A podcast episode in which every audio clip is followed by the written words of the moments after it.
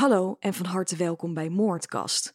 Ik ben Dionne Slachter en samen met mijn broer Henrik duik ik wekelijks in de meest bizarre moordzaken. Inmiddels is Moordkast al een tijdje exclusief te beluisteren via de app Podimo. Hier op Spotify zie je dus lang niet al onze afleveringen.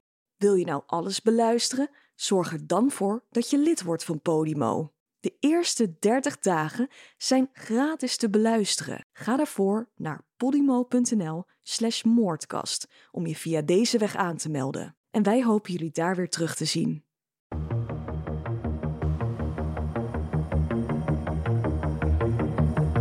Welkom bij deze nieuwe Moordkast. De podcast waarbij ik je meeneem in verschillende mysterieuze moordzaken. Ik ben Dionne Slachter en samen met mijn broer Hendrik als sidekick duiken we in de waargebeurde misdaad. Vandaag praten we over de zaak van Didi en Gypsy Rose Blanchard.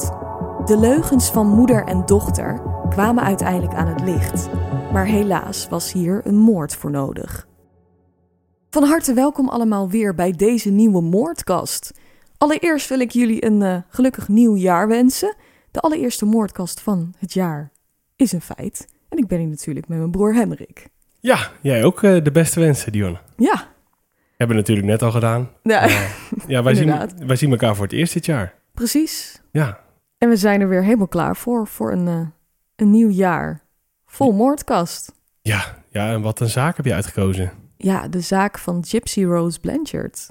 Ja, veel aangevraagd. Heel veel Heel aangevraagd. veel gezien. Ja. Ja. ik dacht, ik wil het nieuwe jaar beginnen met een wat grotere zaak. De laatste tijd hebben we, ja, ik wil niet zeggen dat we minder bekende zaken hebben behandeld. Dit is gewoon een, een wereldwijd bekende zaak, toch? Ja, en die hebben we al eigenlijk een tijdje niet gehad, volgens mij. Of nou ja, Ken en Barbie Killers natuurlijk wel.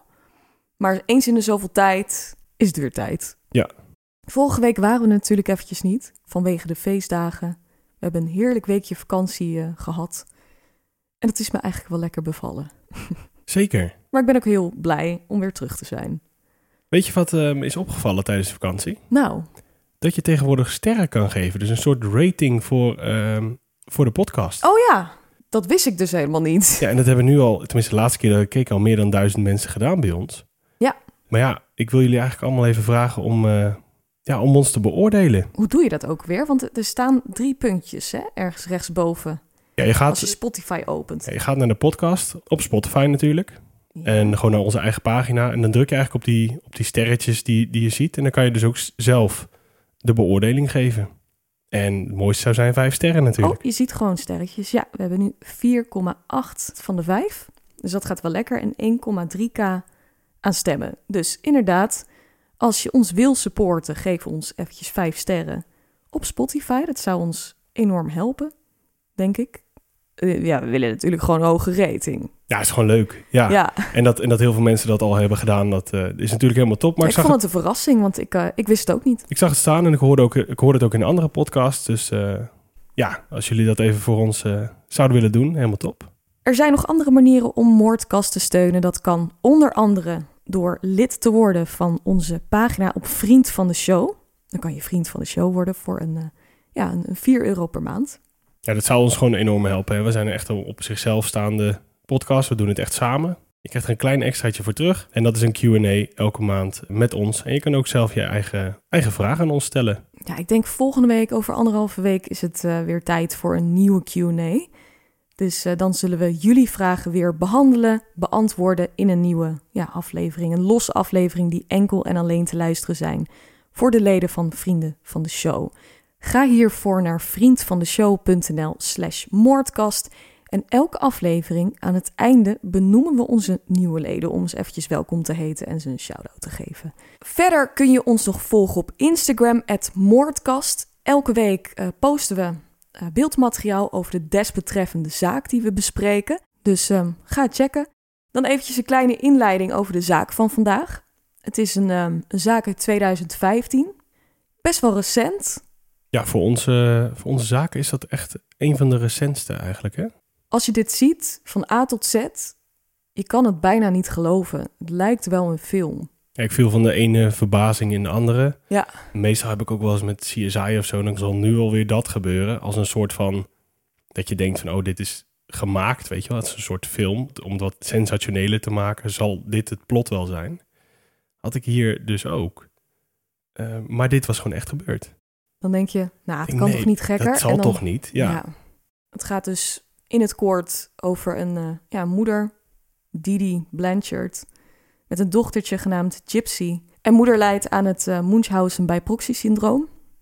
Compleet uit de hand gelopen. En ik denk dat heel veel van de luisteraars deze case wel kennen, maar... Ja, ik kende hem niet. Die hele bekende zaken, die sla ik dan vaak even over. Waarom, weet ik eigenlijk niet. Maar nu ik deze ben gaan kijken, denk ik, jeetje joh, dat dit mogelijk was. Ja, dat dit mogelijk was, dat is ook echt het, het vraagstuk wat mij constant bezig hield. Ja, en daarna ook dat dit mogelijk is. Ja. Want het komt gewoon... Het komt voor. Best wel regelmatig nog voor. In veel moordzaken ook hoor. Ik, ik, ja, ik speur nogal wat op het internet. Kijk hier en daar nog wel eens een documentaire. Munchausen bij proxy-syndroom, dat uh, zie je toch wel vaker terugkomen. Alleen zo heftig. Ja, ik heb nog wel wat dingetjes over het Munchausen bij proxy, of sowieso over het Munchausen-syndroom. Maar kom ik later nog wel even op terug. Ik denk dat we sowieso maar gewoon heel snel moeten gaan beginnen met het verhaal over Didi en Gypsy Rose Blanchard. Claudine Ann Petrie wordt geboren op 3 mei 1967 in Louisiana. Ze groeit op met drie oudere broers, twee oudere zussen en zij was de jongste in huis. Iedereen noemde haar trouwens Didi. Dat was van kleins af aan al haar bijnaam. In haar jeugd is ze iemand die zich graag onderscheidt van de rest en ze is graag op zichzelf. Maar ze doet vooral heel erg haar best om anders te zijn. Ze viel op, maakte haar eigen outfits en ze hield er ook wel echt van om gezien te worden. Ze studeert als verpleegkundige en werkt een tijdje in het ziekenhuis. En op haar 24ste komt ze tijdens een avondje uit bij een bowlingbaan een jongen tegen. Iemand die een stuk jonger is dan zij. Hij is de 17-jarige Rod Blanchard en ze wisselen hun nummers uit. Nou, hierna beginnen ze te daten en ondanks het leeftijdsverschil hebben ze het hartstikke gezellig met elkaar. Maar dan raakt Didi zwanger. En op een ochtend deelt ze dit nieuws met Rod. Nou, hij staat er in eerste instantie wel een beetje van te kijken. Ja, maar hij stond er ook niet per se negatief in in het begin. Nee. Nee, hij, hij zegt eigenlijk direct van nou, dan gaan we maar trouwen. Moeten we maar trouwen. Ja. Dat was denk ik wat, weet je van die tijd, hè? Als je zwanger raakte voor het huwelijk. Meteen een ring eromheen. Dat denk ik wel. Ja. Nou, dit gaan ze dan doen. Ze trouwen met elkaar. En na drie maanden getrouwd te zijn, twijfelt Rod echter aan zijn beslissing. Hij vindt dat hij ja, wat te snel is gegaan en heeft niet die diepe gevoelens voor Didi. Terwijl hij vindt haar lief, ze is een goede vrouw voor hem, maar hij was gewoon niet verliefd op haar. Hij wilde het juist doen, omdat ze zwanger was geraakt, maar dit ging tegen zijn gevoelens in. Op de ochtend van zijn achttiende verjaardag besluit hij zijn spullen te pakken en bij Didi weg te gaan. Haar hart was natuurlijk gebroken en ze was ontzettend van streek. Rod belooft er wel voor haar te zijn en voor het kindje wat ze zullen krijgen. Hij wilde een rol hebben in het leven van de baby en zou hen gaan ondersteunen, ook financieel. Ja, en dat was ook geen, geen loze belofte van hem, hè? Hij wilde echt heel erg graag voor dat kind zorgen. Alleen hij kon dit gewoon niet. Hoe hij dat uitlegt, um, vond ik heel begrijpelijk. Maar hij zei: Dit is gewoon niet, absoluut niet hoe ik mijn leven wil inrichten. En ik ga al mijn verantwoordelijkheid nemen. Alleen, niet ja, ik ben niet, niet huwelijk met, haar. Nee. nee. nee. daar ben ik nog te jong voor. En dat, uh, ja, hij voelde dat ineens heel sterk. Ja, maar het is toch wel mooi dat hij die verantwoordelijkheid wilde blijven nemen. Ja, en dat heeft hij ook echt tot het einde gedaan, ja. Op 27 juli 1991 wordt hun dochter geboren en ze noemen haar Gypsy Rose Blanchard. Ze was een beetje klein, maar verder een gezonde baby. En Didi en Rod zijn zielsgelukkig met de komst van Gypsy. En Rod bleef, zoals beloofd, erg betrokken bij zijn dochter. Als Gypsy ouder wordt, begint Didi te vertellen over allerlei verschillende kwalen die ze zou hebben. Dit begon met slaapapneu. Ze zou stoppen met ademen in haar slaap, dus ze moest aan de hartbewaking worden gezet. Midden in de nacht zou ze ook nog epileptische aanvallen krijgen, dus Didi liep in en uit het ziekenhuis met haar dochter. Vanaf dit punt is Didi trouwens echt constant bij Gypsy in de buurt. Ze liet niemand alleen met haar. Niemand mocht ook op haar passen, ook niet Rod. Ja, mensen hadden ook wel heel veel respect voor haar. Ja, omdat ze het zo alleen deed. En ja, eigenlijk de band tussen, tussen haar en het kind was zo goed. En zij, zij was gewoon de perfecte moeder. Zelfs uh, haar ex-man inmiddels en de vader van Gypsy zegt ook... Ja, maar zij was de beste moeder die, ja, die ik mijn dochter kon wensen. Ja, ze stond echt fulltime voor haar klaar. Ze werkte ook op een gegeven moment niet meer om echt die zorg op zich te nemen. En daar hadden heel veel mensen bewondering voor. Ja, fulltime, uh, fulltime moeder. Ja. Als Gypsy 4 à 5 jaar oud is, vertelt Didi dat ze problemen heeft met haar zicht. En dat ze door de aanvallen die ze heeft, haar ogen scheef gaan staan. Deze werden door een operatie weer rechtgezet, maar kreeg daarna weer problemen met haar ogen door weer diezelfde aanvallen die ze kreeg. Ook haar mentale ontwikkeling zou stil komen te staan door die medische aandoeningen die ze had. En dit werd volgens haar alleen maar erger en erger. En die klachten die blijven zich opstapelen. Ze bleek slechthorend te zijn, dus kreeg ze maar buisjes in haar oren. Die was naar de dokter gegaan, dat uh, Gypsy haar eten niet binnenhield. En toen ze acht was, kreeg ze daarvoor zelfs zondevoeding. Dus ze werd gevoed door een machine via een buisje in haar buik. Ja, ze zou reflux hebben. Dat hebben dan baby's, weet ik uit, mijn, uit ervaring. Nou ja, die houden dan geen eten binnen. Die, uh, ja, dat, dat komt gewoon heel snel weer retour. Ja. En dat zou met, uh, met Gypsy aan de hand zijn. Op de achtste jaar. Zo heftig hoor. Nou, maar ook gewoon zonder voeding. Ze kreeg vanaf dat moment ook alleen maar... Ja, van die, van die potjes. Ja, nutrivoeding. Ja, Rond dezelfde leeftijd krijgt Gypsy een ongeluk met de motor van haar opa. Ze was gevallen en had een lichte schaafwond op haar knie ervan gekregen.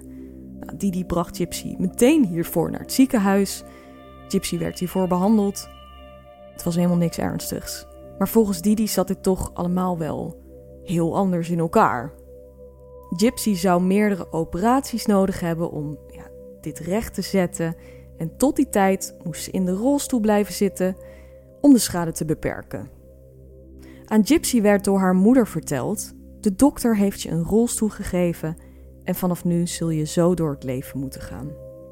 Uiteindelijk blijft ze ook permanent in die rolstoel zitten omdat er weer een andere diagnose wordt gesteld, namelijk spierdystrofie. Haar beenspieren zouden uiteindelijk gaan stoppen met werken en vanaf dit punt heeft niemand Gypsy meer zien lopen. Nee, of, nou ja. echt een hele heftige, echt hele heftige aandoening, hè? En eh, nou moet ik ook zeggen dat dat meisje ook wel best wel ziek uitzag. Vond ik ook.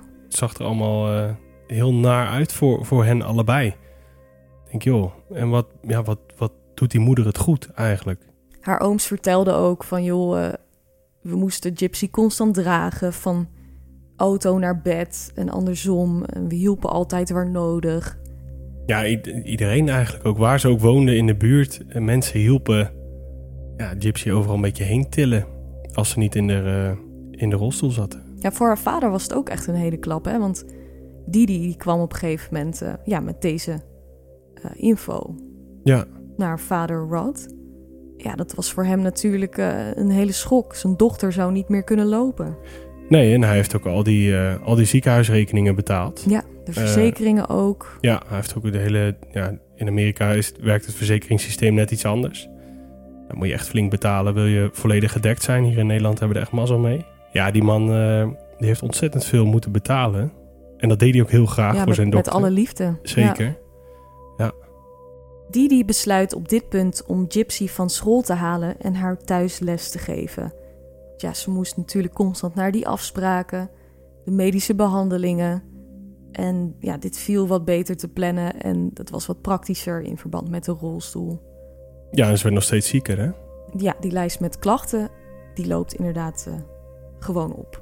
Ja.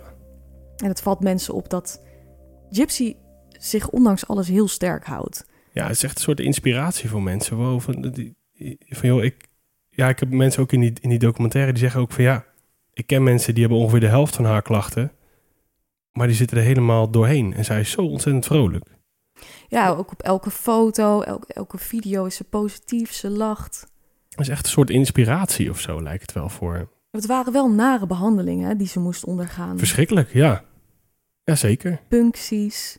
Ja, nee, noem het maar. Het gaat ook nog veel verder. Het was tegenslag na tegenslag. Ik heb even een lijst gemaakt. En die lijst die, die is nog veel langer, maar dit is eventjes in het kort. De Ja, hoofdpunten. de hoofdzaken, Ja. wat, ze- wat ze heeft, ja. ja. Ze zou astma hebben, epilepsie, zou slechthorend zijn, slechtziend, ze zou verlamd zijn vanaf haar middel naar onder, geestelijk beperkt, mentaal zou ze vier jaar oud zijn.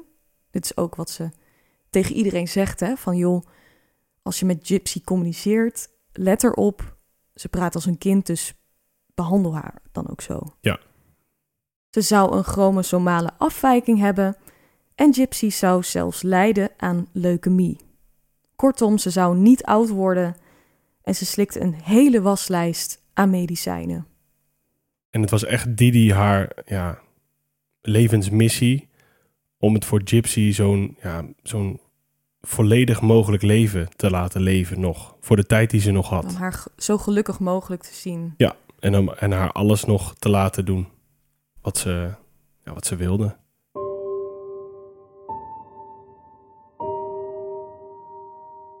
Nu is het zo, in werkelijkheid is Gypsy een kerngezond kind.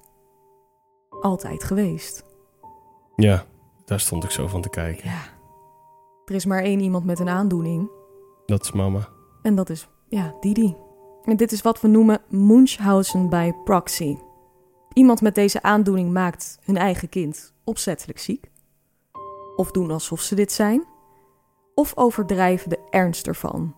Omdat ze op zoek zijn naar een bepaald soort erkenning, respect, aandacht. Ja, een bepaald soort aanzien. Zij was die verzorgende moeder.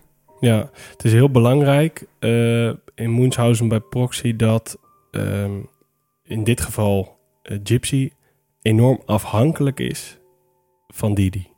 Daardoor voelt zij zich belangrijk. Dus, Ja. dat, dus dat geeft haar leven betekenis als zij heel erg nodig is door haar dochter. Dus maakt zij haar opzettelijk ziek. Zij doet dat bijvoorbeeld. Zij, zij, is, zij is verpleegkundige, dus ze, ze heeft best wel wat v- verstand van, me- van Ja, medicatie. ze heeft en- heel veel medische kennis. ja, En Ja. dat is ook de reden waarom ze zo geloofwaardig overkomt. Ze weet ook heel veel. Ja. ja wat met Didi aan de hand is, ze heeft in het leven ook nooit echt het gevoel gehad dat ze iets had bereikt. En Ja, de moederschap was daar echt. eh, het hebben van een gehandicapt kind, het is haar identiteit. En dat is haar wereld. Eh, het is de verzorger, de perfecte moeder die Gypsy een geweldige opvoeding geeft. Dat is ze fantastisch. Ja, ze wilde anderen versteld toen laten staan. Dit was haar manier. en daarbij ook het niet willen delen van je kind. En dat eh, zie je dan ook wel vaak dat kinderen van, van school worden gehaald. Want dan krijgen ze vriendjes. Ja, ze werd heel erg geïsoleerd. En dat, dat kan je dan niet delen. En over dat isoleren. Ook, ze gingen steeds verder weg bij die vader wonen. Hè? Ja, door de jaren heen zijn ze telkens een stukje verder weg gaan wonen. Ook, ook gewoon, ik denk omdat die, bang was dat het uitkwam. Ja, Ja, die dochter kon gewoon lopen. Ja. Die heeft altijd kunnen lopen, maar die mocht dus niet lopen van de moeder als er anderen bij waren. ja, en alle aandoeningen die Gypsy heeft zijn dus verzonnen. Ja, ze zocht zoveel mogelijk informatie op over de ziekte die ja, ze Gypsy aangepraat had. En ze las zichzelf van A tot Z in. Hierdoor kwam ze bij de artsen ook heel geloofwaardig over. Het is ook wel in Amerika zo, het werkt niet zoals hier. Hè? Je krijgt sowieso vaak wel een arts daar, als je, als je verhaal goed genoeg is. En dat was van haar. Wil de ene die doen, doet de ander het wel. Het gaat daar ook om geld verdienen.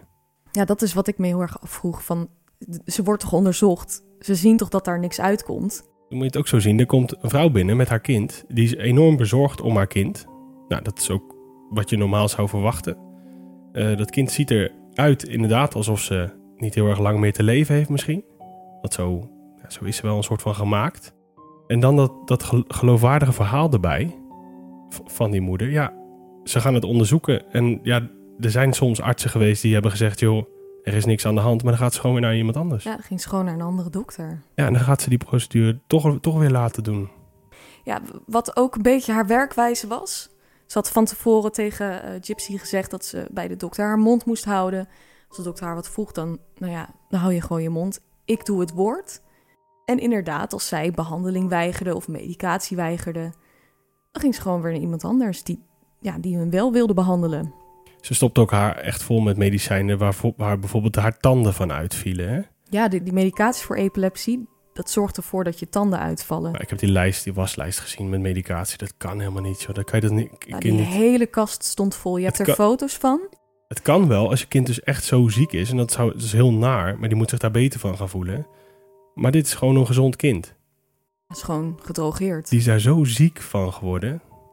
Ja, dan, dan ga je er ook ziek uitzien. En ze heeft haar haren afgeschoren. Ja, ja. Dat vond ik ook heel pijnlijk. Ja, Didi heeft uh, haar haar afgeschoren in de zin van... joh, je hebt kanker, dus dit gaat hoe dan ook gebeuren... dus laten we het maar voor zijn. Ja, laten we het maar netjes houden.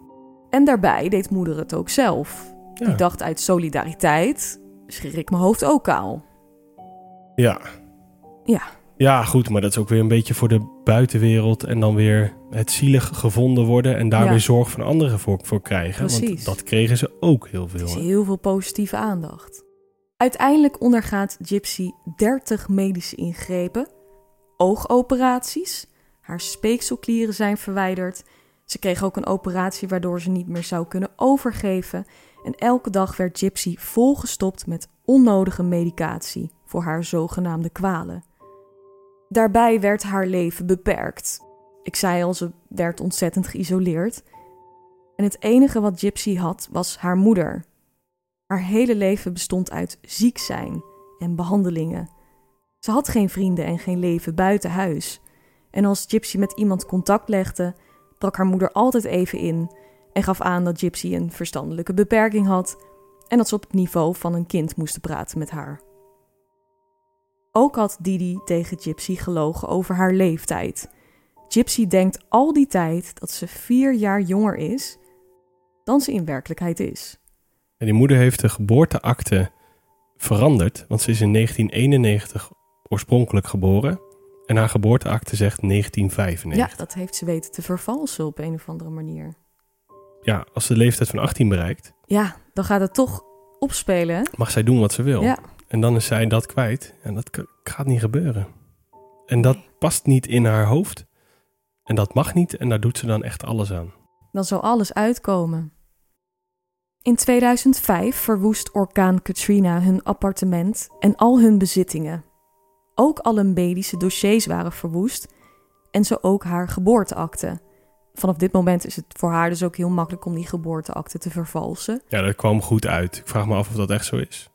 Ja, ook haar medische dossiers, hè? Want ja, ja. niemand wist eigenlijk meer hoe en wat vanaf dit punt. Alles wat die die uitkwam om kwijt te zijn, was kwijt. Misschien was ze ook wel alles kwijt.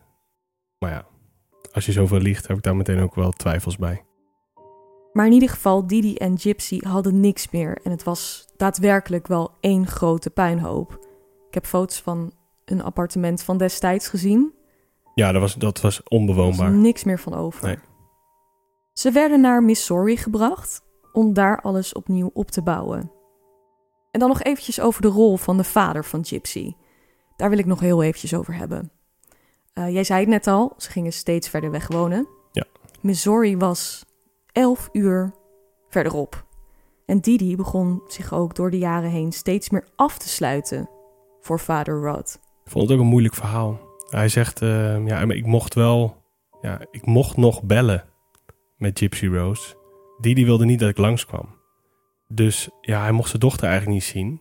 Maar hij ging daar ook niet tegenin. Want anders zou dat telefoontje ook afgenomen worden. Ja, maar ze, ze, werden ook wel een beetje geïntimideerd door alle klachten van uh, Gypsy en door haar ziektes. Dat gebruikte uh, haar moeder ook heel erg als reden en excuus. Van joh, we waren in het ziekenhuis, wat zit je uh, nu lastig te doen? We hebben het al zo moeilijk. En, ja, maar zij greep wel echt alles aan ja, ze speelde ook heel erg zo, zo min mogelijk contact. Hè? Het was wel duidelijk dat die, die degene was die dat contact heel erg tegenhield. Jarenlang heeft de vader van Gypsy ze financieel ondersteund, alimentatie netjes betaald. en draaide op voor heel veel medische kosten. En Didi loog vervolgens tegenover haar omgeving over Rod. Hij zou hen hebben mishandeld. Het was een hele gewelddadige man. Ze moesten voor hem op de vlucht. Hij was misschien niet vaak meer in het leven van Gypsy, maar hij heeft wel altijd een band gewild. Wat, wat ik nog het ergst vond, is dat die die dit gewoon vertelde aan Ja, Gypsy ook. Hè. Yo, ja dat het een vader. vreselijke man was en, en geen wilde contact wilde. Die houdt niet van je. Ja. Ze mocht niemand anders vertrouwen. Met iedereen was wel iets. Ja, maar iedereen was een potentieel gevaar voor hun band. Ja, en voor wat ze hadden. Ja, precies. Daar mocht niemand inkomen. We zitten dus nu in 2005. Hun huis is verwoest door Katrina en hun verdrietige verhaal van Gypsy en haar moeder. Het wordt opgepakt door de lokale media. Krijgt redelijk wat aandacht. Mensen vonden hun verhaal hartverscheurend.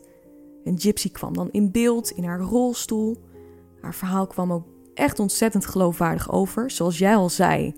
Ze zag er ook daadwerkelijk ziek uit. Ze kwam ook veel jonger over dan haar uiterlijk. Dus je zou inderdaad kunnen zeggen dat ze mentale achterstand heeft. Ze praten ook met een heel, Heel hoog stemmetje. ja, een heel eh, piepstemmetje wat, wat totaal niet passend was bij haar leeftijd. Dus het verhaal dat zij misschien een mentale achterstand zou hebben of wat dan ook. Ja, het is allemaal zo geloofwaardig. En hoe ze er dan uitziet met dat korte haar. Ja, er wordt gezegd, ze heeft leuke- leukemie en, en die spierdystrofie. Ik Je- had het in geloofd. een, in een rolstoel, ja. Ja, absoluut. Ik had Ja. het echt zo geloofd. Ja, dit zette een hoop mensen aan om te doneren en moeder en dochter te helpen. Kerken hielden inzamelingsacties. Ze openden een GoFundMe-pagina. Maar iedereen werd natuurlijk gewoon keihard opgelicht. En oplichting, dat is iets waar Didi ook eerder mee te maken kreeg in het verleden. Ze stal van mensen. Ze is wel eens opgepakt voor een winkeldiefstal. Ze heeft een creditcardfraude gepleegd op haar moeders naam. Meerdere keren. Ja, die was overleden en ze probeerde allerlei creditcards op haar naam te schrijven. En als die dan uitgegeven werden, zo, zo snel mogelijk, zoveel mogelijk geld van opnemen. Ja, dan werd dat op een gegeven moment weer geblokkeerd of wat dan ook. Over de rug van je overleden moeder. Ja, Het verzinnen van haar dochters aandoening bracht dus niet alleen een hele hoop positieve aandacht op, maar ook een hoop geld. In 2008 werd er zelfs een heel huis voor hun gebouwd door een stichting genaamd Habitat for Humanity. Was een klein huis, helemaal roze, met een eh, rolstoelhelling, zodat ze makkelijk eh, de veranda op kon. volledig aangepast, hè? Ja, volledig aangepast. Gypsy kon bij alle lampknopjes. eh, ze kon, het was voor haar helemaal perfect. deurposten waren Breder gemaakt, ja. breder gemaakt. Ze had een bubbelpad gekregen voor haar spieren. Ja. Het zou goed voor haar zijn. Ehm, ja, en alles was gemeubileerd. En een auto. Oh ja, toen ze de sleutels van het huis kreeg, kreeg ze inderdaad ook nog even een autosleutel erbij. Er was een nieuwe auto gedoneerd. Alles was speciaal gebouwd op de behoeftes van Gypsy. Vanaf hier begon het balletje ook echt te rollen. Ze maakte verschillende reisjes naar Disney World, ging naar Disneyland, gratis vluchten naar Gypsy's medische afspraken of congressen die ze bij gingen wonen. Ze werden voor van alles uitgenodigd. En ze postte ook echt alles. Hè? Het werd echt een beetje een, ja, sowieso een beetje media-hype was het. Maar alle, alle foto's van de behandelingen werden gedeeld. Iedereen kon dat soort van volgen. Ja. Maar ook weer de goede momenten dat ze samen inderdaad in Disney World zaten of wat dan ook. Ze hadden een eigen eh, Facebookpagina opgericht. Ja. Genaamd The Jip Blanchard. Het was een eh, ja, gezamenlijke eh, Facebookpagina, inderdaad. Ze deelde er alles op. Foto's van haar behandelingen, updates over hoe het met Gypsy ging. Ik weet niet hoeveel volgers ze had, maar ze had best wel wat lokale bekendheid. Ze kregen er ook heel erg veel vaste vrienden door. Hè? Die kwamen ook gewoon echt regelmatig over de vloer om, om te helpen. Heel veel mensen ondersteunden hun en ja, die Facebookpagina, dat gaf mensen een inkijkje in hoe dat daar ging. En daardoor werd er nog meer gedoneerd, inderdaad, en nog meer geholpen. En iets waar Gypsy gek op was, was verkleden. Ze gingen wel eens naar een Comic-Con of naar een film en dan verkleden ze zich als het personage van de desbetreffende film. Dan was ze eventjes iemand anders. En op veel foto's en video's is Gypsy daarom verkleed te zien. En buiten deze Facebookpagina had Gypsy stiekem ook een eigen pagina aangemaakt. Contact met de buitenwereld, dat was eigenlijk nooit toegestaan, dus vandaar stiekem. Ze had daarom een valse naam, echt een geheim Facebook-account voor zichzelf uh, aangemaakt. En zij, zij is op dat moment echt aan het puberen, volgens mij? Nou ja, ze was toen al wel een stukje ouder hoor. Ik denk een jaar of twintig al. Ja, maar ze dacht dat ze 16 17, 16 was. Ja, ja, want zij krijgt natuurlijk ook interesse in, uh, ja, in, in jongens. In, ja. ja, die hormonen die spelen gewoon op. Ja, tuurlijk. Die, zij wil ook iets. Zij wil iets met haar leven, zeg maar. Ja, zij wilde gewoon contact met mensen. Ja, en het, ze mocht geen vrienden. Geen vriendin, ja, geen vrienden, geen vriendinnetjes, geen, geen vriend. Geen vader. Geen contact überhaupt. Gewoon niks. Nee.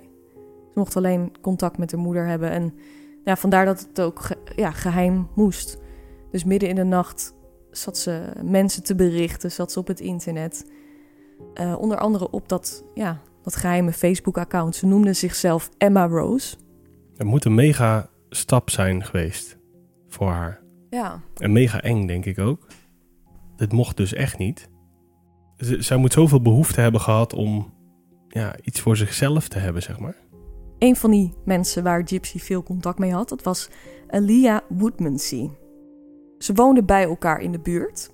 Ze kennen elkaar wel een beetje. Ze hadden elkaar hier en daar wel gezien. Dus uh, Gypsy had contact gelegd van... hey, ik ben het, maar we chatten even stiekem. Ik wil gewoon een beetje kletsen. Dus die twee doen dat. Elia ziet zich als een soort grote zus voor haar. Maar in werkelijkheid weet ze niet dat Gypsy maar één jaar jonger is. Ja, het zijn gewoon leeftijdsgenootjes dan. Ja, eigenlijk wel. Dus uh, ja, midden in de nacht uh, kletsen ze met elkaar. Het gaat over van alles. Op het begin zijn nog vrij onschuldige gesprekken. Best wel schattig eigenlijk. Ja. Ja. Ja, ze geeft wel aan hè, dat ze ergens mee zit. Maar ja, Alia die denkt, ja, ik snap dat, want je bent soms een ziek. Ze zenden wel een soort van signalen uit van ik heb eigenlijk hulp nodig. Maar dat was nog te... Ja, te uh, cryptisch. Te ingepakt, ja, precies. En dan uiteindelijk gaat het ineens over jongens. Gypsy schijnt een vriendje te hebben. Die heeft ze via een uh, christelijke datingsite ontmoet. En, en ze, ze praat ook over wat intiemere dingen. Over hoe zou het zijn als je voor het eerst zoent. En, hoe uh, moet dat? Ja. Vroeg ze ook, hè? Ja. ja. Weet je hoe dat moet? En uh, ja. Ja, en dan vertelt ze dat ze smoor verliefd is op een jongen genaamd Nick. Die ze dus op die christelijke datingsite heeft ontmoet. Ze was helemaal onder de indruk en fantaseerde over een toekomst met hem. En dat deelde ze dus allemaal met die Alia. Maar Gypsy mocht dus niet zelfstandig op het internet van Didi. Ze mocht alleen op dat gedeelde Facebook-account, die Gyp Blanchard. En hoe ouder Gypsy wordt, hoe meer zelfstandigheid ze wil. En hoe meer ze probeert te ontdekken wie ze is. En dat werd altijd meteen de kop ingedrukt. Gypsy voelt aan alles dat ze minder ziek is dan haar moeder haar doet laten lijken, maar is zo door Didi gemanipuleerd dat ze niemand vertrouwt. Ze weet dat ze kan lopen en kan eten, maar voor de rest heeft ze al die tijd geloofd in haar ziektes en leeft ze dus onder de mishandelingen van haar moeder. Ze denkt ook dat ze doodgaat, hè? Ja. Moet ook wel pittig zijn.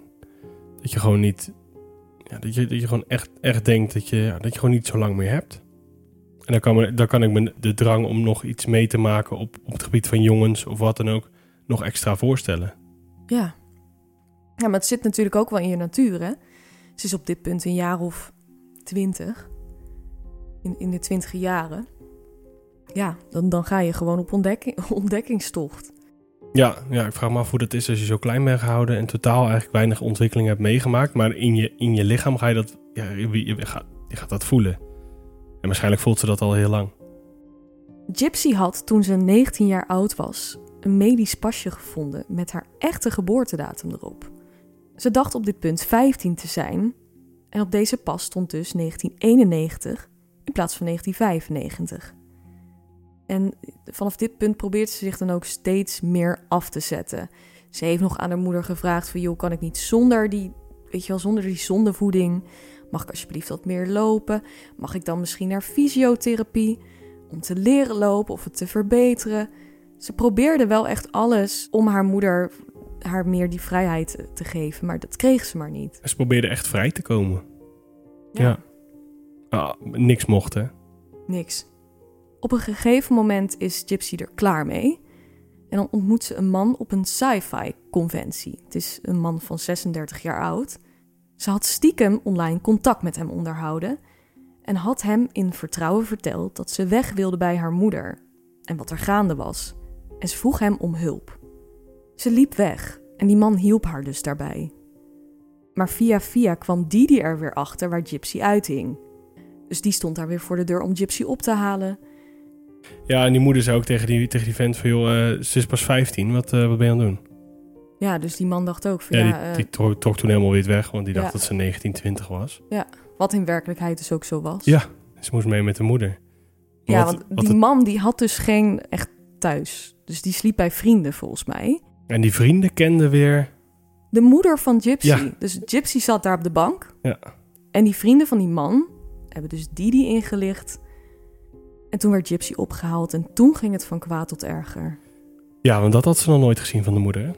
Nee, Didi was razend. Haar laptop werd vernield met een hamer. Ze werd aan bed geketend. Ze hing bellen op aan deuren, zodat ze hoorde waar Gypsy eh, ja, liep. En ze kreeg ook amper te eten.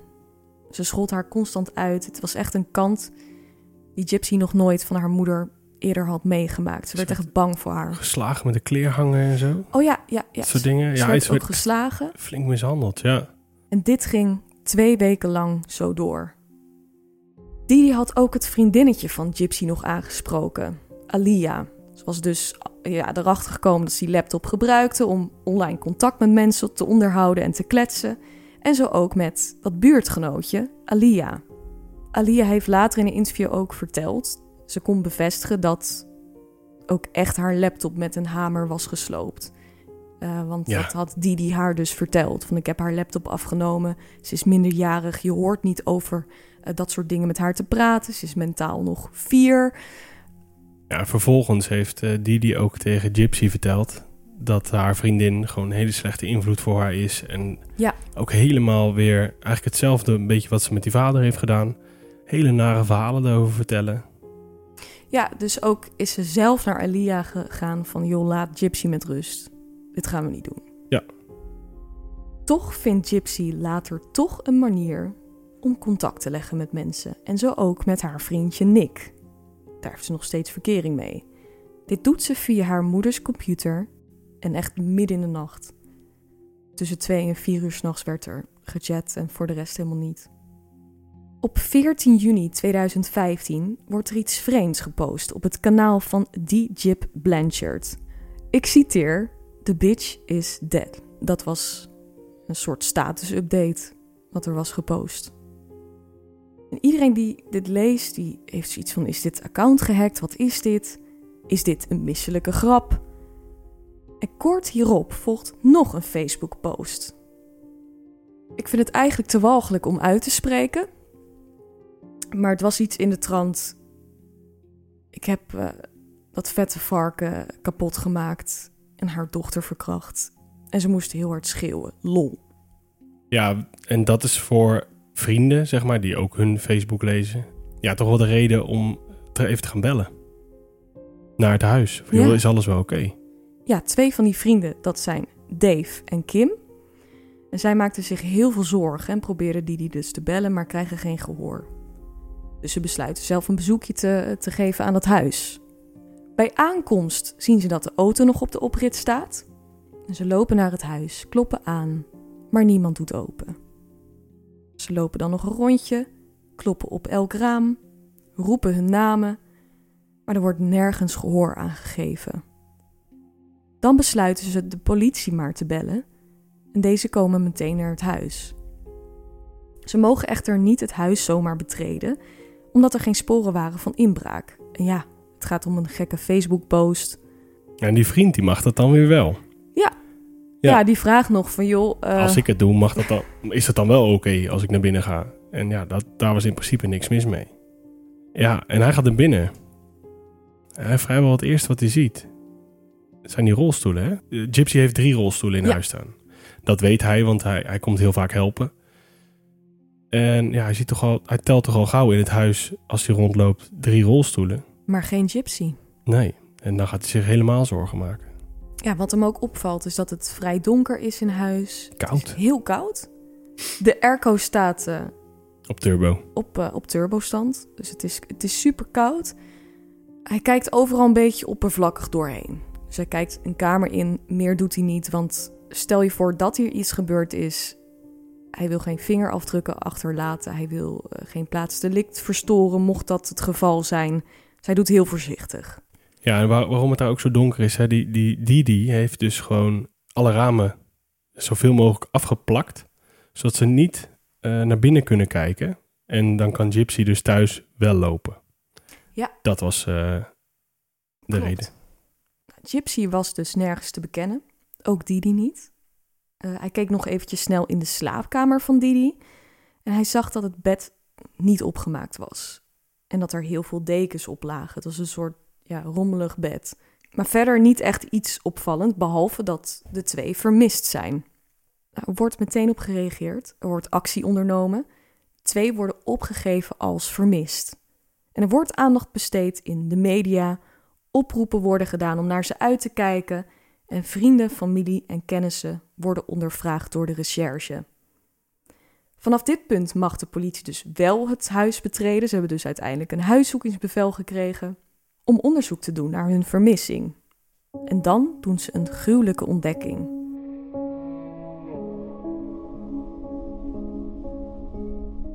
Didi Blanchard ligt vermoord in haar bed. Ze is door meerdere steekwonden om het leven gebracht en ze lag daar al een aantal dagen. Didi werd 48 jaar oud. De hele omgeving is in shock. Didi werd gezien als een fantastisch persoon. Een moeder die altijd klaar stond voor haar dochter Gypsy. Wie zou haar nou zoiets aandoen? Mensen waren ook zo jaloers op de band tussen van Didi en Gypsy, hè? Ja. Vond ik dat zo'n zo apart om dan later dan eh, ja, dit, dit hele verhaal te horen. Ja, en over Gypsy gesproken, die is nog steeds vermist. Ze is ergens zonder rolstoel, zonder haar medicatie, haar beademingsapparaat, haar zondevoeding die nu niet wordt toegediend. Iedereen maakt zich ernstige zorgen over haar. En ze geloven dat zij dit nooit zou kunnen overleven. Nee, ze ging er echt vanuit dat ze dood was. Ja. Wanneer de politie Alia ondervraagt, dus dat vriendinnetje wat eh, Gypsy via Facebook onderhield, vertelt ze over hun gesprekken in de nacht en over de jongen waar Gypsy contact mee zou hebben. Ze maakt een uitdraai van de gesprekken en overhandigt deze. En dan komt de politie erachter dat ze contact had met een jongen genaamd Nick Godejan. Nou, Nicholas Godejan was toentertijd 23 jaar oud en hij en Gypsy hadden al drie jaar lang stiekem een online relatie. ja, dat niet alleen. Hè. Ze zouden gaan trouwen met elkaar. Ze wilden kinderen. Nick leed aan psychische aandoeningen zoals Asperger en een meervoudige persoonlijkheidsstoornis. En er was bekendgemaakt dat hij een strafblad had voor iets in de McDonald's. Hij had negen uur lang daar porno zitten kijken en dingen met zijn onderkantje gedaan. Nou, de twee vonden elkaar dus op die christelijke datingsite en werden smoor verliefd op elkaar. Ze hadden echt binnen een week al verkering. Dat, eh, nou ja, ik heb vroeger ook wel eens MSN-verkering gehad. Het is een beetje... Het ging heel, het ging heel snel. Ineens hadden ze een relatie. Ja. Ja. Hij vond het helemaal geen probleem ook dat zij in een rolstoel zat. Ze had het hem verteld en hij accepteerde het direct. Ze stuurden ook foto's naar elkaar Gypsy verkleedde zich regelmatig voor hem. En hij had dus een eh, meervoudige persoonlijkheidsstoornis. Er kwamen dus meerdere persoonlijkheden naar voren in hun gesprekken. En zij speelde echt daarop in. Dus zij gaf al die persoonlijkheden weer een vriendinnetje. Dus had ze bijvoorbeeld Victor. Daar verzon zij Ruby bij. Victor was de agressieve. Ja, de gewelddadige persoonlijkheid in hem. Ja. En zij eh, had dan een rode pruik opgezet en had een foto gemaakt dat ze een mes likte. En dat was dan het vriendinnetje van Victor. Ja, ze maakte daar een soort. Ze ging daar zi- zichzelf een passend vriendinnetje bij maken. Ja, voor elke persoonlijkheid. Die, Ja, dat eh, maakte hem natuurlijk helemaal gek. Ja, Ja, dat was enorm voedend voor hem. ja, en voor zijn stoornis. Ja, die gesprekken werden steeds pikanter en ook seksueel getint. Ze praten op een gegeven moment over BDSM en zij noemt hem ook wel eens zijn meester. Het is, Ja, het is spannend. Het is gewoon heel erg allebei de spanning opzoeken. ze, ze is gewoon echt eh, ja, de grenzen aan het eh, ontdekken. Ja. Dat heeft ze nooit gekund. Na een jaar contact te hebben gehad, vertelt Gypsy hem in vertrouwen haar grote geheim. Dat ze namelijk wel degelijk kan lopen. In maart 2015 besluiten de twee elkaar te ontmoeten in Gypsy's woonplaats. Hij zou daarheen komen en ze hadden heel plannen voor gemaakt. Gypsy en haar moeder zouden naar een film gaan en Nick zou daar rondlopen en hun per toeval aanspreken, alsof het een spontane ontmoeting was. Gypsy hoopte dat haar moeder Nick leuk zou vinden en ooit goedkeuring zou geven voor hun relatie, zodat ze niet meer zo stiekem hoefde te doen. Dus ze gingen naar Cinderella, dat was de film die ze had uitgekozen, en Nick kwam daar dus ook. Die sprak Didi aan en ze vond hem eigenlijk gelijk een engert. Ze had zoiets van, joh, wat kom je bij ons zitten? Ga lekker weg. Ja, en toen ging ze ook meteen eh, ergens anders zitten. Ja. Ja, Didi ging ergens anders zitten. Ja, maar Gypsy ging niet mee. Nee, Gypsy bleef daar. Ja. Hun allereerste ontmoeting, hè, was dit. Ja, Wat een gekke manier ook. ze hebben elkaar natuurlijk wel foto's gestuurd en zo, dat wel. Maar ja, elkaar voor het eerst zien in de bioscoop. Tweeënhalf jaar contact hadden ze. Maar ze had, ze had zo gehoopt dat haar moeder hem zou accepteren. Ja, En dat het, dat het een leuke jongen voor hem zou zijn. ja voor ze haar zat hem alleen zijn, maar af te zeiken. Ja, Nou, ze vond het gewoon echt een engert. eh, maar goed, Gypsy bleef lekker naast hem zitten. En ehm, ze hadden van tevoren ook al gepland dat eh, deze avond haar ontmaagding zou plaatsvinden. ja daar vond ze het wel tijd voor. En dit zou gebeuren op de toiletten van de bioscoop. Dus zij gaat naar het toilet, hij volgt haar en daar komt van het een het ander. En Didi maakte zich op een gegeven moment zorgen, want het duurde super lang voordat ze natuurlijk terugkwam. Nou, dat toiletbezoek duurde natuurlijk super lang. Dus eh, Didi loopt de bioscoopzaal uit en daar komt ze Gypsy tegen. En dan krijgen ze een eh, ja, ruzie met elkaar. Didi die noemt die jongen engert. Van waarom hang je nog steeds met hem rond? Want die staat natuurlijk bij haar rolstoel. En die snapt niet echt zo goed wat, wat dit te betekenen heeft. Dus die wordt ontzettend kwaad. En die rijdt Gypsy naar het toilet. En geeft haar een behoorlijke klap in het gezicht. Ja, flinke slap, zoals het zegt. Hè. Ja. Gypsy had geprobeerd aan te geven: joh, ik wil ook vrienden.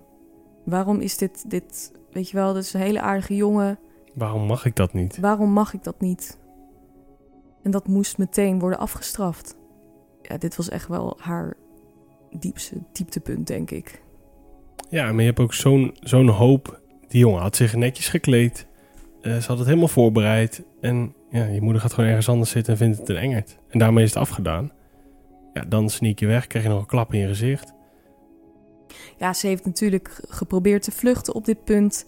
Ze gaat eigenlijk alle opties Ze af voor weg. zichzelf. Ja, het- ze is weggelopen. Natuurlijk. En nu probeert ze dit. Van nou, misschien werkt dit dan nog.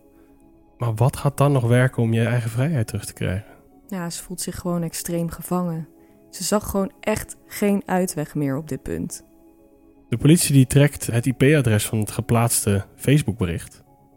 En ja, die komen uit op het adres van de ouders van Nick, Code John. Ja, waar Nick zelf natuurlijk ook woont. Dus die gaan er naar binnen. Daar vinden ze Nick en Gypsy. Ja. En op dit punt denkt eigenlijk iedereen nog dat Nick Gypsy heeft ontvoerd. En ehm, dat zij ook een slachtoffer is. Ja, en wordt de politie al vrij snel duidelijk dat dat niet is. Nick geeft zich echt eigenlijk meteen over. Die vertelt ook direct wat er gebeurd is. Alles, alles heel eerlijk, hè? Ja, Alles die jongen, heel eerlijk. die jongen heeft, eh, heeft Asperger. Hij, hij vertelt wel echt gewoon alles zoals het is en zoals het is gebeurd. Ja, en ook alsof het niet zo'n big deal is. Hij heeft een foutje gemaakt. Zo komt het over. Ja, hij dit is zich het. eigenlijk niet echt van een kwaad bewust. Hij heeft wel door dat hij in de problemen zit. Ik denk ook dat hij ongeveer wel weet waarom. Eh, Hij beseft zich niet hoe, ja, de, de ernst van de zaak misschien. Ja, dus bij het oppakken van Nick vinden ze ook Gypsy gezond, in perfecte staat en zonder rolstoel. Zonder hulp, zonder enige moeite. En Gypsy was alles behalve in gevaar.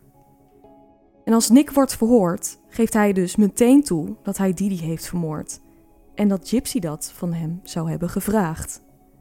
Hij biecht alles op. En daarna verhoren ze Gypsy en zij doet op haar beurt alsof ze van niks weet. Nou, dat stukje acteren, dat vond ik eng goed. Eng goed. Maar ze heeft natuurlijk haar hele leven niks anders gedaan. Wat de politie uh, ja, haar meldt is: joh, jouw moeder is vermoord. Ze is overleden. En zij zit van: oh, wacht even. Wat zeg je? Ja, hij zegt: no. no. En, en, ze is vol ongeloof. En ja, dit, moet je eigenlijk zien. Terwijl ze precies weet wat er is gebeurd. geloofwaardig, ja. ja.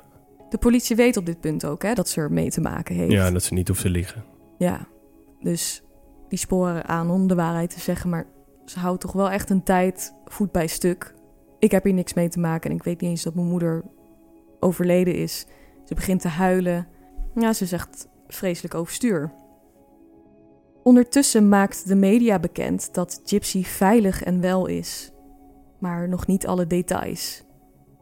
In een persconferentie geeft uh, die politieagent ook aan van, maar jongens, het is niet wat het lijkt. Nee. Iedereen is ontzettend opgelucht dat ze veilig is, maar niet wetende wat hier gaande is. Maar dit nieuws verspreidt zich al vrij snel. Gypsy was hoofdverdachte voor de moord op haar moeder en blijkt kerngezond te zijn. En dit was een shock, want iedereen bleek voorgelogen te zijn geweest. Ze had geen zondevoeding nodig, geen beademingsapparaat of een rolstoel of medicatie. Het kwam dus allemaal uit dat haar aandoeningen leugens waren en dat Didi dit dus allemaal had verzonnen. Ja, de grootste klap voor mensen was dat ze uh, voor de rechter moest verschijnen. Vrij snel na, na haar arrestatie. Ja, en daar zien dus mensen haar gewoon de, rechtszaal binnenlopen. Die stichting die dat huis voor hen hebben gebouwd, die zien dat. Eh, al die vrienden die er altijd voor hun zijn geweest, haar altijd hebben gedragen. Die hebben gedoneerd. Noem het maar. Ja, haar eigen vader. En die mensen, haar eigen, ja precies, ook nog. Die, die zitten met vol ongeloof te kijken. Van joh. Ze loopt. Hoe kan dit? En ze blijft ook gewoon staan. Ze moest daar staan. Die mensen die zullen zich echt een paar keer geknepen hebben van joh, laat maar even wakker worden, want dit, dit klopt niet. Nee, en het beeld wat ze van Didi hadden, dat, dat werd natuurlijk ook... Ja, dat, dat werd langzamerhand duidelijk. Ja. Die mensen moeten zoveel vragen hebben gehad. Die zijn zo voor de gek gehouden. Echt heel bizar. Ze denken ook op dat moment, uh, omdat die, dat ongeloof, dat, dat zorgt er ook nog voor dat ze denken dat Nick uh, de mastermind is. En zij staat ook echt voor het, als, als symbool van, van iemand die ontzettend ziek is, maar enorm positief blijft. En ineens is ze moordverdachte van de eigen moeder. Ja, en dan wordt ook duidelijk wat er precies die avond van de moord is gebeurd. Tijdens de gesprekken online had Nick aangegeven dat hij alles voor Gypsy zou doen en haar ook voor alles zou beschermen. En Gypsy had gevraagd: Echt alles? Zou je me ook beschermen tegen mijn moeder? Zijn antwoord daarop was ja, en er ontstond dus een gesprek waar een moordplan in werd beraamd. Ja, zij ging steeds wel een stapje verder. Hè?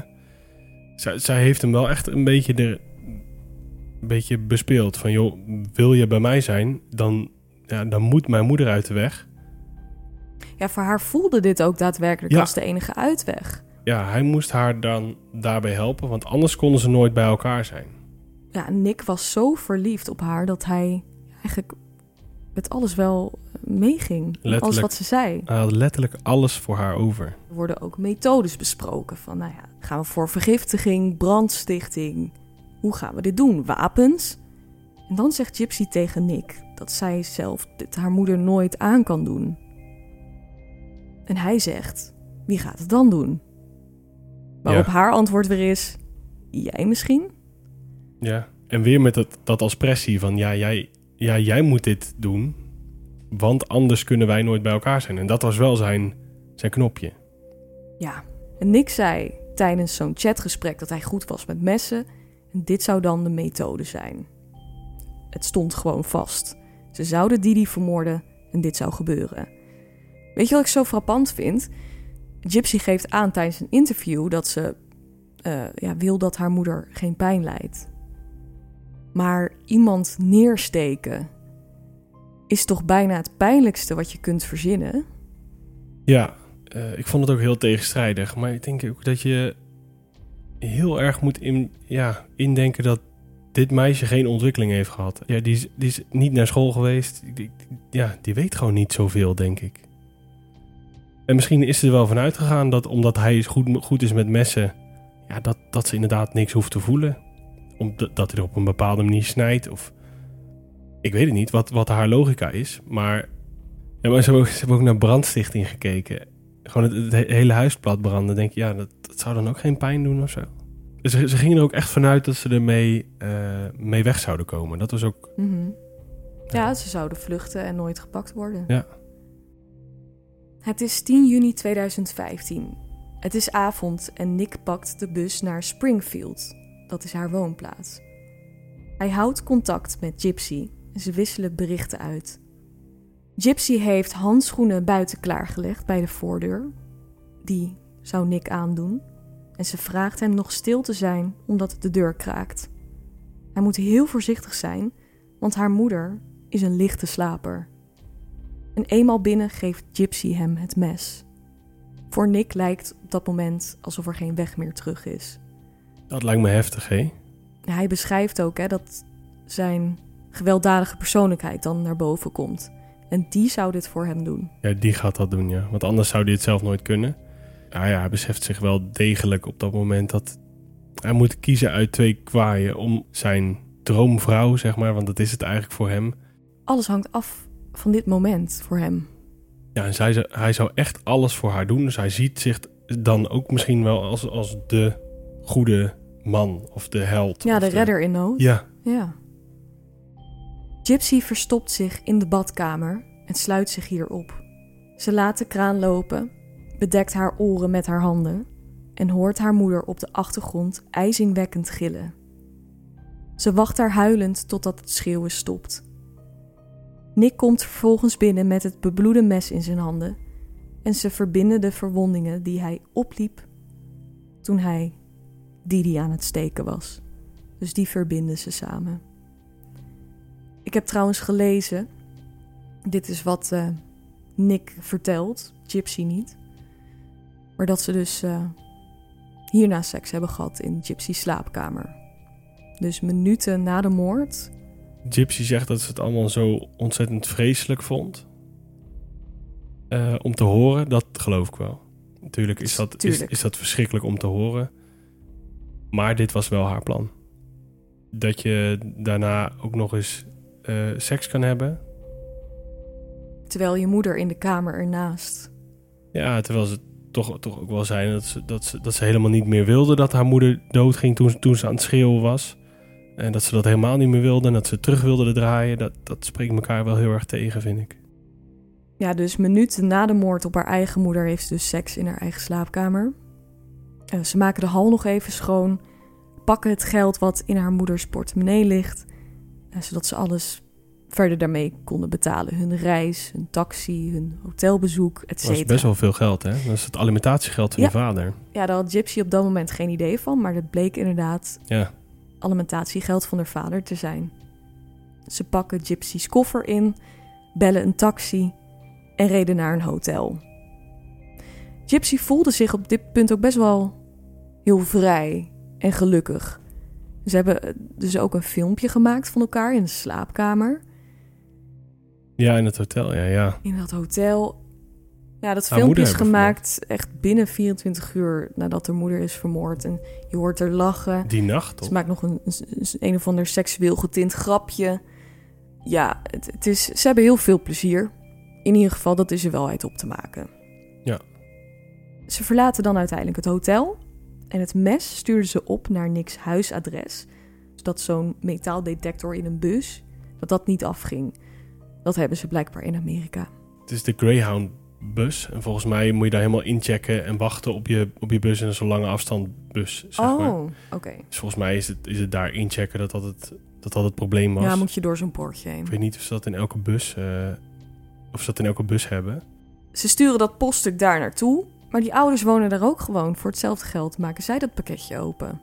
Ja, maar los van dat, je gaat toch niet um, zij reizen eigenlijk mee met het moordwapen naar de locatie dus waar ze eh, gaan wonen. Dat is heel, het heeft bijna een soort van iets kinderlijks.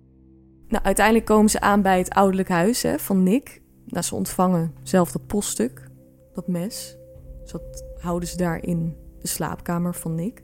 Als hij ehm, in dat huis komt van die, van die vriend, dan is ze echt teleurgesteld. Ze had zich een heel ander beeld voorgesteld. Ja, En ze komt in een, in een kamer eh, van een man waarvan zij denkt... ja, die heeft veel verantwoordelijkheid, maar ja, hij, heeft een, hij heeft een dekbed met allemaal eh, figuurtjes erop. worstelaars. Eh, Oh ja, van Hij worstelaars. heeft eh, de game... Hij heeft, hij, hij- ja, hij heeft inderdaad allemaal spelletjes liggen. En ja, hij woont op, op, in, in een kamer bij zijn ouders in een woning. Dus ja, ze had het zich heel anders voorgesteld. Ja, ze voelde zich eigenlijk niet zo veilig en geborgen bij hem. Ze had gedacht, oh, die man gaat voor me zorgen. Maar dat bleek wel eventjes anders. Ze is daar een paar dagen. eh, en dan op een gegeven moment krijgt ze het gevoel van... joh, mijn moeder ligt daar in dat huis. Helemaal alleen, vermoord. Ik wil eigenlijk wel dat ze ontdekt wordt. Ze voelt zich schuldig dat ze daar nog ligt. Ja. Ze schrijft die ontzettend heftige Facebook-post op haar eigen wall. Van haar ja, gedeelde Facebook-pagina die ze had met haar moeder. Ja, in de hoop dat haar moeder gevonden wordt. Ja, ja en, en om de aandacht een beetje, ja, ook weer erg kinderlijk, maar om de aandacht van zichzelf af te, af te halen. Ja, in de hoop dat ze denken dat het een indringer is geweest. En dat zij misschien ontvoerd is, of, eh, zodat zij niet als eh, schuldige wordt aangewezen. Nou, de zaak is eigenlijk al vrij snel rond. Het is duidelijk. Uh, en in 2015 treft Gypsy een schikking voor haar rol in de moord op haar moeder. Er wordt rekening gehouden met verzachtende omstandigheden, omdat ze meer dan 20 jaar lang onder de mishandelingen van haar moeder moest leven. Ze wordt dus schuldig bevonden aan second degree murder. Dus zoals jij al eerder had uitgelegd, dat staat gelijk aan doodslag in Nederland. Zo te vergelijken, ja. Ze bekent dus ook schuld aan doodslag. En ze wordt veroordeeld tot 10 jaar gevangenisstraf. Dus dat betekent dat ze over een paar jaar vrijkomt. Ja, in 2024 volgens mij in mijn hoofd kon ze vrijkomen. Ja. Ja. Ja, en een ander verhaal voor Nick. Ja, ik, ik had daar niet echt een goed gevoel bij. Nick heeft volgens mij levenslang gekregen. Zonder eh, de mogelijkheid op vervroegde vrijlating. Waarom voor hem geen verzachtende omstandigheden? Ik ben het daar wel mee eens. Ik denk als luisteraar is het lastig om een beeld hierbij te vormen. Maar ik zou zeggen, bekijk eventjes de verhoren met Nick en met zijn moeder. Oh, met zijn moeder, ja. Ja, oh, dit was zo zielig. Oh, ja, we hebben wat stukjes gezien van de verhoren van zijn moeder. Ja, ik heb daar echt even bij... toen- de voor van die moeder moest ik echt even huilen. Hoor. Ja. Jeetje. Ja, ik moest ook wel even slikken. Want het is zo'n contrast. Want deze jongen heeft daadwerkelijk die aandoeningen. Ziet daar moeder zitten die altijd het beste voor haar zoon wilde, maar niet alles voor hem kon doen. Ze hadden die jongen op een gegeven moment ook niet meer in de hand. je moet die jongen ook zijn vrijheden geven. Ja, en daarbij heb je dus niet de dingen in, in de hand. Maar ja, inderdaad, dan, dan ben je soms onmachtig voor, voor wat hij soms doet. Bijvoorbeeld dat akkefietje in de McDonald's of dat soort dingen. Maar het heeft nooit eh, dit soort vormen aangenomen. Er is ook nooit, zijn er alarmbellen geweest dat hij dit zou gaan doen. Ja, en hij is zo enorm beïnvloedbaar. Ja, ik, ik, als ik dan lees dat hij levenslang krijgt, eh, zonder de, de mogelijkheid op vervroegde vrijlating vind ik. Ja, ik vind, ja, ik vind het gewoon niet. eh, ik- hij, heeft, hij heeft iemand het leven ontnomen. Maar ik, vind, ja, ik kan het gewoon zeggen, ik vind het niet eerlijk. Ja, ik, ik voelde dit ook. Ik voelde dit ook omdat hij gewoon totaal niet toerekeningsvatbaar is. Nou, ja, precies dat, denk ik. Totaal niet. Soms doen mensen zich ontoerekeningsvatbaar voor. Maar in dit geval dacht ik echt van... ah, de- deze jongen, die was zo verliefd... maar had daadwerkelijk ook een mentale achterstand. Nou, was zo verliefd. Is nog steeds zo verliefd trouwens. Dat was ook even pijnlijk. Na al die jaren geeft hij eh, op dit punt nog steeds aan... eh, alles over te hebben voor Gypsy. Dat, dat hij het dus zo weer zou doen. Ik denk dat dat ook de reden is waarom hij deze straf krijgt. Want hij heeft er dus ook geen spijt van. Hij heeft ook dat inzicht totaal niet. Nee, maar die, dat vermogen heeft hij dat niet. vermogen Daar kan heeft hij hij, niks niet. aan doen. Nee. Maar deze jongen heeft een verstandelijke beperking. En dat is aan alles te zien. Ja. Ik heb ook een interview gezien met hem. Dan geeft hij aan dat Gypsy ook regelmatig sprak tegen Victor. Dat Victor haar moeder zou vermoorden. En sprak ze ook met die persoonlijkheid. Ja, en dan staat het eigenlijk ook wel weer buiten zichzelf. hè. Ik vond het, ik vond het heel erg pijnlijk. Toen Het, ik- het toen is, het is een hele was. zielige, zielige jongen. Het zegt niet dat hij ongevaarlijk is, maar dat hij vooral heel veel hulp nodig heeft. Wie er ook heel erg veel hulp nodig had, was Didi. Ik vind dat, ehm, dat Nick een lagere straf had moeten hebben, omdat er verzachtende omstandigheden zijn in mijn ogen. Maar Didi had ook ergens hulp moeten krijgen. Dat had gezien moeten worden door een arts of, of wat dan ook. Ik heb dat meer bij, wel bij Gypsy, eerlijk gezegd. Ik heb zoiets van, zij is echt tekort gedaan. Door haar moeder, door instanties, door iedereen om, om haar heen. Eh, Wat ik eigenlijk probeer te zeggen is, iemand met eh Munchausen bij proxy is ook ziek. Ja, ik vind dat dus wel heel lastig. Ja, die is lastig omdat je je eigen kind iets aandoet, maar Ja, Ja. Ik, ik voel toch meer bij het kind. dat ik, snap ik. Ik voel veel meer voor Gypsy dan voor Didi. Dat zeg ik heel eerlijk. Ik vind het... Het is ook echt een heel lastig onderwerp, hè. Maar ik, ik heb zoiets van, joh, dat meisje is van jongs af aan zo geïndoctrineerd door haar moeder. Ja. Zo klein gehouden, zo kort gehouden. Ik heb echt zoiets van, wa- was hij, was hij maar ehm, gewoon ergens publiekelijk opgestaan uit de stoel en gaan lopen. Ja. Zoiets. Dan was er misschien iets gebeurd. ja, maar heel veel mensen hebben daar ook weer een oordeel over van... is dat niet... Had ze dat dan niet moeten doen? Had ze niet gewoon Ja, iemand... tuurlijk, tuurlijk had ze dat moeten doen, maar die meid, die, wij kunnen ons dat niet voorstellen in, in wat voor gevangenis. Het is met- een soort Stockholm-syndroom, denk ik. Ik denk dat dat wel echt te vergelijken is. Ze hield ook van de moeder. Ze wilde haar niet teleurstellen. En ze hield ook heel veel van haar, hè? Ja, tuurlijk, tuurlijk, maar haar moeder is haar hele wereld. Mhm. En dat maakt haar ook zo afhankelijk. En, Ja. en ze is ziek. En die, en angstig. en die moeder die zorgt voor haar. En zij gelooft ook eigenlijk in de leugens van haar moeder. Ze komt eigenlijk later pas achter dat ze eigenlijk niet ziek is. Ja, en dat is dan, dat, dat wordt voor haar de druppel. Maar haar moeder is haar hele wereld. Want ze ziet voor de, ze heeft geen vrienden, niks. Dus dat, dat wordt, ja, zo wordt dat gemaakt. Ja, wat ik wel echt heel pijnlijk vind, is dat doktoren ook daadwerkelijk die Munchausen bij proxy hebben gezien. Ja, Die eh, dus hebben niet genoeg aan de bel getrokken. Er is één arts geweest ehm, die heeft aan haar benen gevoeld. En ik denk, nou, dat is voor iemand met spierdystrofie, zeg maar, is dat best wel. Heeft ze eigenlijk best wel ontwikkelde benen. Ja, en ook werd er een hersenscan gemaakt. Er was eigenlijk allemaal niks, niks aan de hand. En hij heeft tegen die moeder gezegd, joh, ze kan gewoon lopen. Ja, ik denk dat zij dat gewoon kan. Ja, die moeder werd natuurlijk hartstikke boos. En die kwam dus niet meer terug. Hij heeft dat ongeveer, ja, hij heeft dat gelaten voor wat het is. Hij heeft er wel een notitie van gemaakt, Munchausen bij proxy. Ja, heeft hij nog bijgezet. Ja, Maar ja, had hij maar de kinderbescherming gebeld. Ja, ik denk dat hij zelf nog te veel twijfelde of, of te, te... Nou, het is natuurlijk ook heel wat, hè? Om iemand daarvan te beschuldigen. Om de kinderbescherming erop af te sturen. Dat is natuurlijk ook heel wat. Alleen, ja, het had wel een heleboel ellende kunnen voorkomen. Nou ja, zeker. En ehm, kijk, hij wist ook wel dat er natuurlijk ook artsen zijn die wel de gewenste operaties gaan doen en medicijnen toedienen. Ja, hij zegt ook, ik had, ik had meer moeten doen en ik zal het in het vervolg agressiever aanpakken. Ja, het is en blijft gewoon een hele lastige. Is eh, Gypsy slachtoffer of dader? Ze is natuurlijk allebei. Die die is dader, uiteindelijk slachtoffer. Gypsy is slachtoffer en uiteindelijk dader. En Nick, ja, is ook slachtoffer en dader. Ja, allemaal. Het is allemaal. Ja, en waarom het ehm Munchausen bij proxy heet, is best wel een aparte naam. Is omdat het eh, is afgeleid van het Munchausen-syndroom. En het Munchausen-syndroom is dus dat mensen het bij zichzelf doen. Dus dat mensen Zichzelf ziek maken of het erg doen laten lijken. ja, eigenlijk, eigenlijk naar, de dokter, naar de dokter gaan bijvoorbeeld zeggen dat ze heel erg ziek zijn en, en zorg en aandacht daarmee krijgen. En bij proxy is dus dat je dat, nou, in dit geval dus bij je kind. Ja, of iemand die afhankelijk van je is. Didi schijnt zelf hier vroeger ook een soort slachtoffer van te zijn geweest, hè?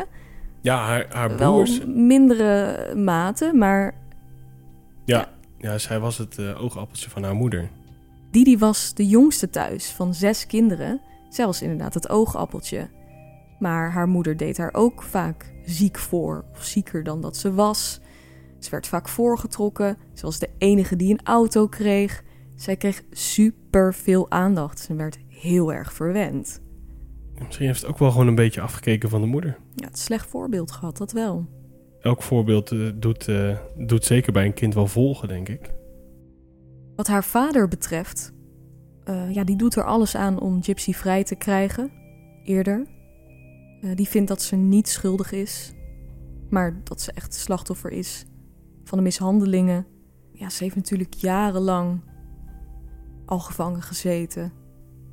Ja, alleen zij heeft dus ook in de gevangenis haar vriendinnetje contact.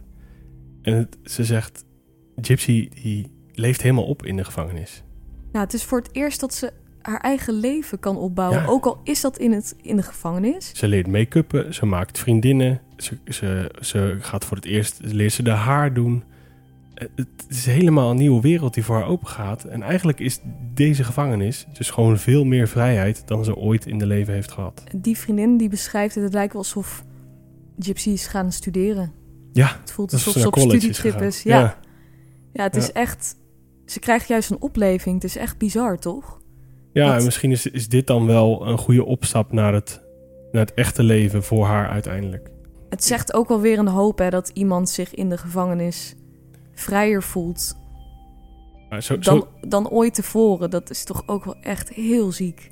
ja, nee, maar zo vind ik ook dat, dat Nick een lagere straf verdient. En zo vind ik ook dat, ja, eigenlijk die, die, die moeder, ja, ik blijf erbij. Ik vind het ook heel moeilijk om, om te denken en te zeggen, maar die moeder was ook echt ziek. En die had ook eerder hulp moeten krijgen. Ja, ik, ik voel dat bij die moeder totaal niet. Ik, ik, Nee, ja. die, is, die is gigantisch ver gegaan. Ik ben er ook boos om, laat dat duidelijk zijn. Maar wist je dat, dat het in Nederland ook voorkomt? Heel veel. Ja. We hebben, Munchausen bij proxy. we hebben in Nederland 150 tot 200 gevallen per jaar, wat bekend is. En daar schrok ik toch eigenlijk best wel van. Het is echt heel ernstig hoor. Gelukkig worden artsen daar ja, zich er steeds meer van, van bewust. Ik denk dat iedereen voor zichzelf ook deze zaak moet onderzoeken. En wat vind jij? Wat voel jij? Ik voel bij die moeder gewoon heel veel woede in mezelf. Ik weet niet of ik daar heel erg veel aan kan doen. Maar ik voel dat ik heel erg boos van haar word. Als ik haar zie. Als ik erover nadenk wat ze haar kind heeft aangedaan. En tuurlijk, ze hadden kunnen weglopen. Ze hadden haar niet hoeven vermoorden. En misschien was er gewoon voor haar echt geen andere uitkomst. Ik geloof dat ook, dat, dat, dat dat haar enige uitweg is. Dat ze het een aantal keer heeft geprobeerd en denkt van... Joh, ik zit echt gevangen en dit is de enige oplossing. Zij moet verdwijnen. Ja, heel veel Dat mensen in haar omgeving, ook haar vader, hè, die zegt nu van ja, het is wel haar, echt haar verdiende loon. Vind ik ook heel hard. We hebben het hier wel over moord. Ja, ja. En het Niemand is- verdient het om vermoord te worden. Nee, en dat is het dus ook. Dat, daar wil ik een beetje van af. Want Didi was, weet je, was ook een mens. Ze heeft vers- echt verschrikkelijke dingen gedaan die we niet, ons niet kunnen voorstellen. Maar ja, ik denk toch ook dat het misschien ergens, ergens vandaan is gekomen. Ik wil het zeker, zeker niet nee, goed praten. niemand verdient het om zo aan zijn eind te komen. Dat is het gewoon. Precies. Ik denk dat we er een eind aan gaan breien. We krijgen ook heel vaak de vraag, als we het over een documentaire hebben, welke hebben jullie gezien? Ik denk dat de meest volledige die ik heb gezien eh, op Discovery Plus staat. Het heet Gypsy's Revenge. Dus als je het wil kijken, die documentaire is daar te zien. Ik zou zeggen, ga op onderzoek uit. En jullie kunnen natuurlijk eh, op onze Instagram discussiëren over wat jullie hierbij voelen. Wie zijn hier de slachtoffers? Wie zijn hier de daders? Ik ben benieuwd wat jullie gevoel hierbij is. Wil je Moordkast nou steunen? Dat kan op vriendvandeshow.nl slash moordkast. Voor een bedrag van 4 euro per maand kun je ons steunen. We zullen in ruil daarvoor maandelijks een Q&A opnemen. Jullie kunnen zelf jullie vragen insturen via de pagina door middel van een voice memo. Er komt ook daadwerkelijk jullie stem in die Q&A eh, terecht. En die is exclusief voor leden te beluisteren. Dus die komt binnenkort online, de tweede daarvan. We zijn ontzettend dankbaar voor jullie steun. Want ja, we doen het toch echt maar gewoon met z'n tweeën. Ja, super dankbaar. Dus het zou fijn zijn als je bij de club komt. Ja, en de nieuwe leden, die zullen we elke aflevering aan het eind verwelkomen. Ja, en dat ga ik nu maar eventjes doen. Wij willen bedanken Marianne, Eva, Rianne, Helen, Sabine Lemeer, Ellen, Wietske, Leon Hinekamp, Frank, Nicky, Anna Julia, Heino, Amber van den Berg, Miranda de Kuiper, Jade van Twist, Ineke, Sanne Hagenaars en Ruben. Van harte welkom en bedankt dat jullie vriend zijn geworden van onze show. Wat veel. Dank jullie wel. Heel veel. Ja, super bedankt. Hey, dit was de eerste moordkast van 2022. Het is denk ik een lange aflevering geworden. En een pittige ook. Ja, maar weet je, we zijn eh, vorige week waren we er niet. Dus qua tijd halen we het een beetje in. Precies, we compenseren het een beetje. Toch? Ja. En we zien jullie volgende week vrijdag weer om 4 uur scherp. Tot volgende week. Tot volgende week.